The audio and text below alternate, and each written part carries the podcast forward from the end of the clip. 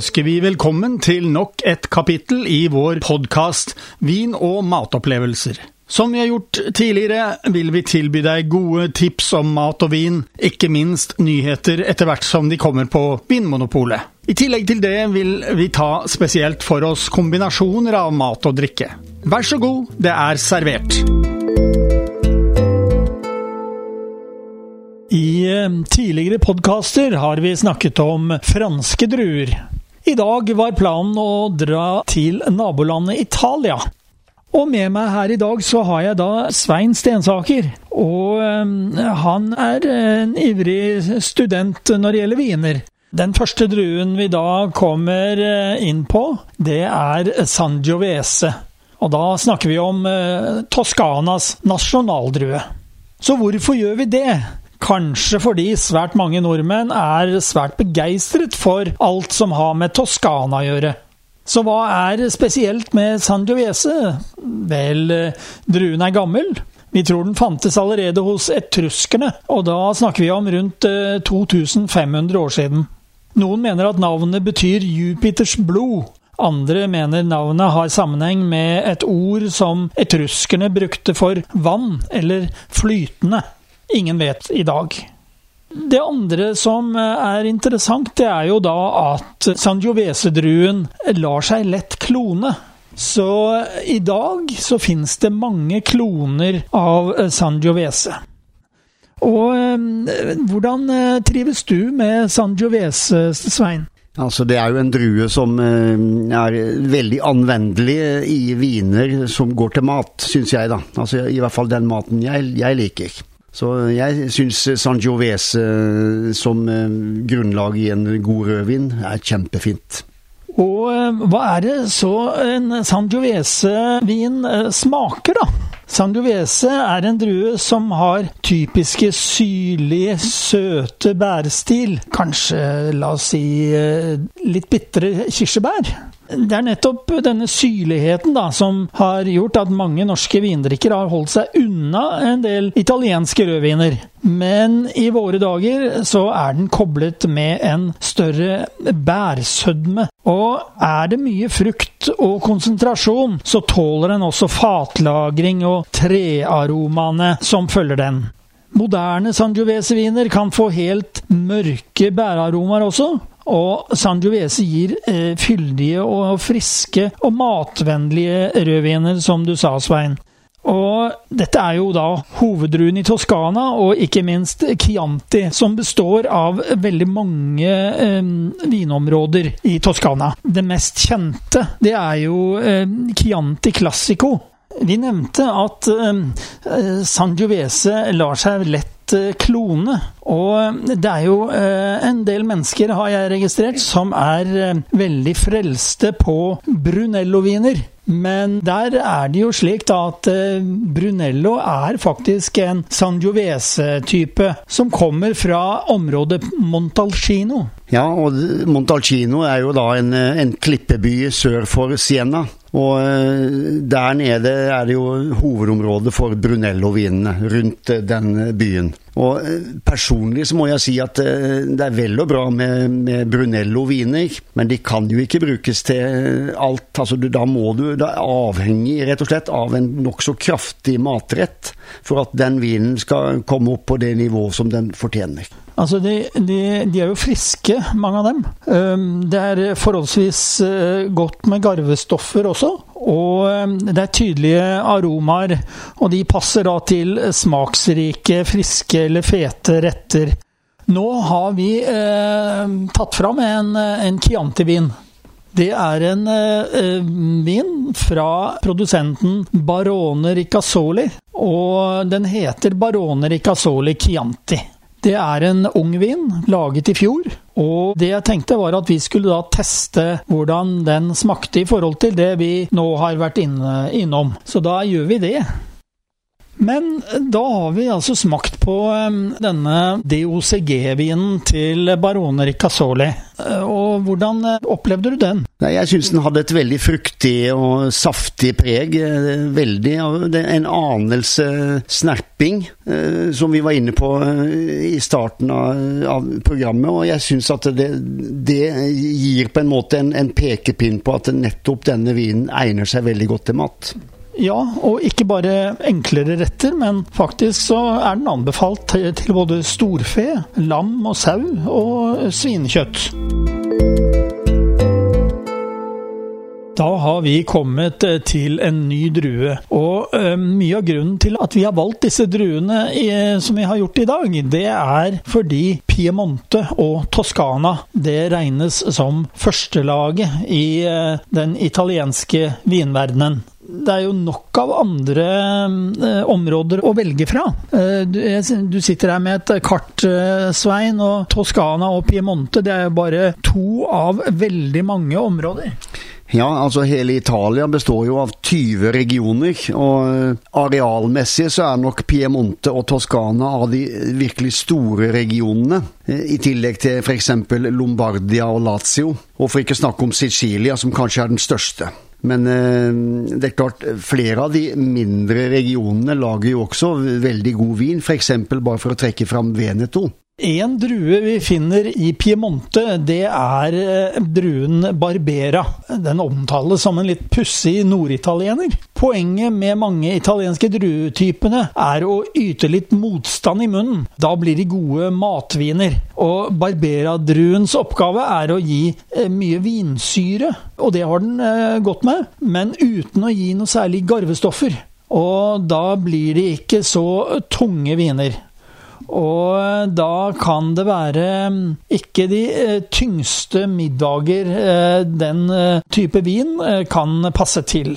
Selve barberasmaken kommer an på om vinen har vært på fat eller ikke. Har den ikke vært på fat, så er det kjølige, mørke bæraromaer med syrlige kirsebær, blåbær og ja, noen sier krekling. Fatlagrede barberaer de går lettere over i plomme, kanel, men du skal beholde noen av de mørke bæraromene også. Og Lagringstiden eh, på disse vinene er laget av barberadruen, de bør vanligvis ikke være mer enn eh, to til fire år.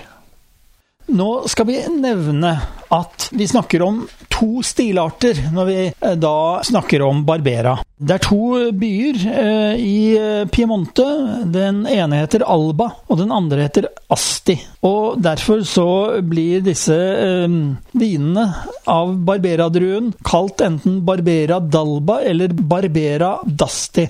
Barbera d'Alba har mer kompleksitet og kraft, med dyp rød farge, mens eh, Barbera d'Asti har klarere farge, stor eleganse og finesse. Barbera er jo da en vin som passer oss godt, og den er anvendelig fordi den har eh, lite garvestoffer, men har god frukt og frisk syre. Den er en anvendelig matvin, samtidig som den er god å nyte som den er. Vi har eh, nå trukket fram en eh, Barbera Dusty. Altså en som ikke er så komplisert som den andre. Det er litt morsomt for meg å eh, smake på den, fordi den kommer fra en gård jeg har vært på. Kashina Castellet, og hilst på eieren. Og det er en Vespa Barbera Dusty, som ble laget i 2019 den har et veldig sånt gjenkjennbart bilde. Det er eh, fire små jenter som sitter på en eh, Vespa, og dette bildet gjetter jeg er tatt like etter krigen. Den er lett å kjenne igjen. Men nå skal vi smake på denne vinen og eh, se om vi finner igjen det som vi nå har snakket om. Ja, nå har vi smakt på, på, denne vinen. Jeg må jo si at uh, jeg kjente igjen veldig mye av det vi nå har snakket om.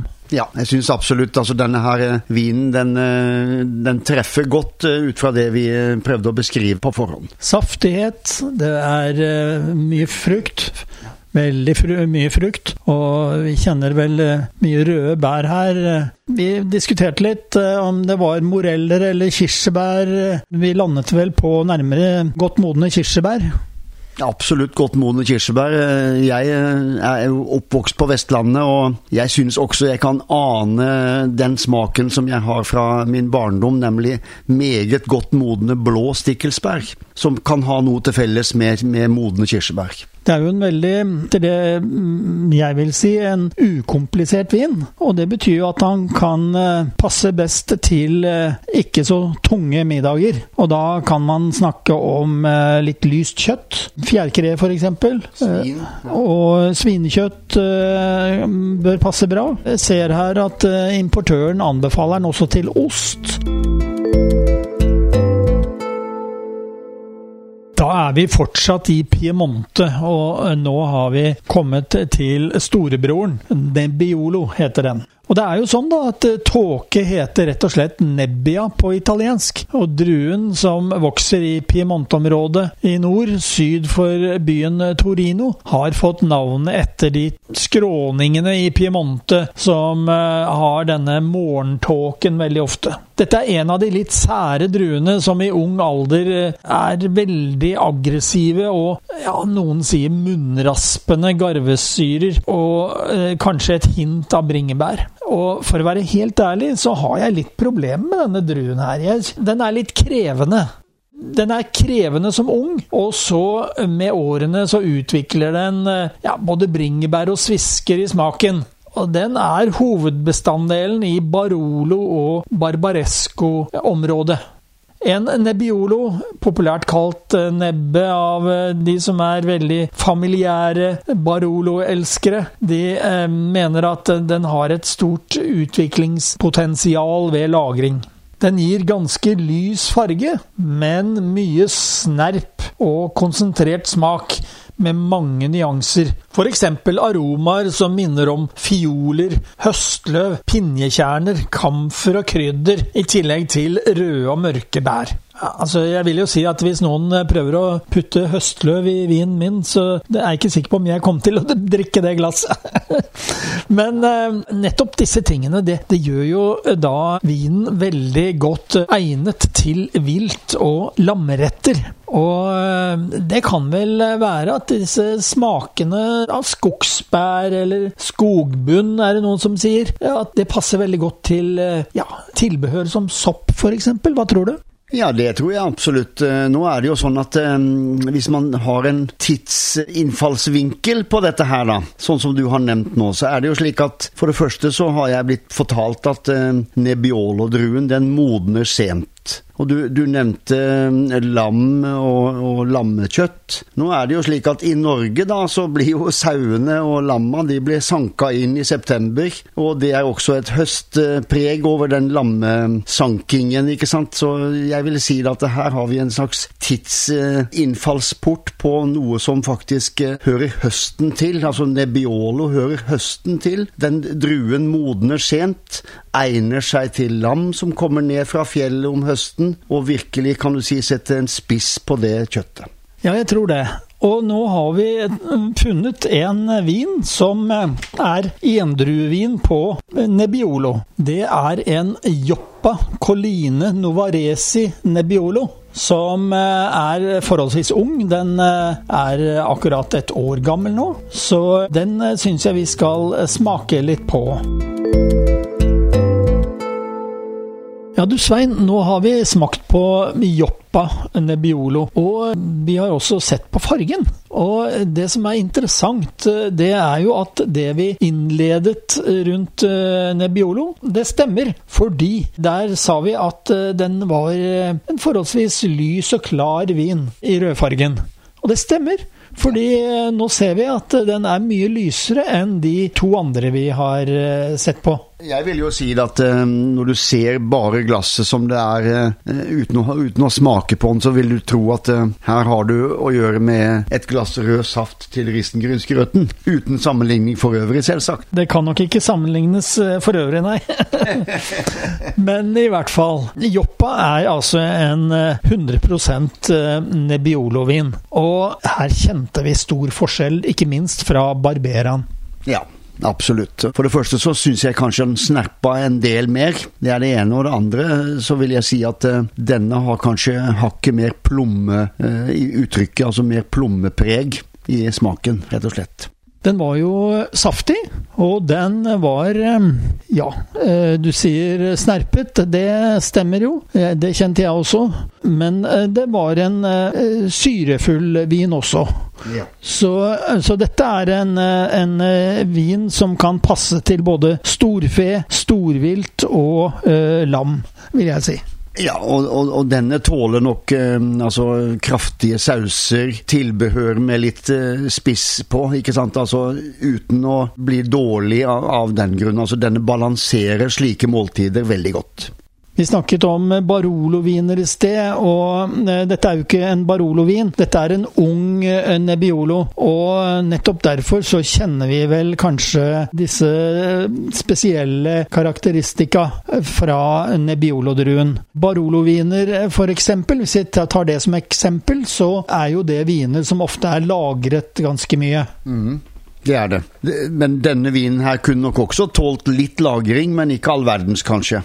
Nei, jeg tror ikke dette er en egnet uh, vin for lagring i mange år, men kanskje et par år. Ja. Og det vil den sikkert ha godt av. Jeg tror at da, eh, ikke minst pga. den syren som er i vinen, så vil den kanskje utvikle andre smaksnyanser gjennom lagring. Den har jo både mye syre, den har mye garvestoffer, og den har god intensitet i både smak og duft. Så uh, dette er en vin som kan ligge noen år, vil jeg si. Har du fått dagens podkast fra Radio Riks Oslo om mat og vin. Hvis du ønsker å abonnere på den, slik at du får den automatisk når nye blir lagt ut, kan du gjøre det. Kommende mandag får du neste kapittel. Vi høres!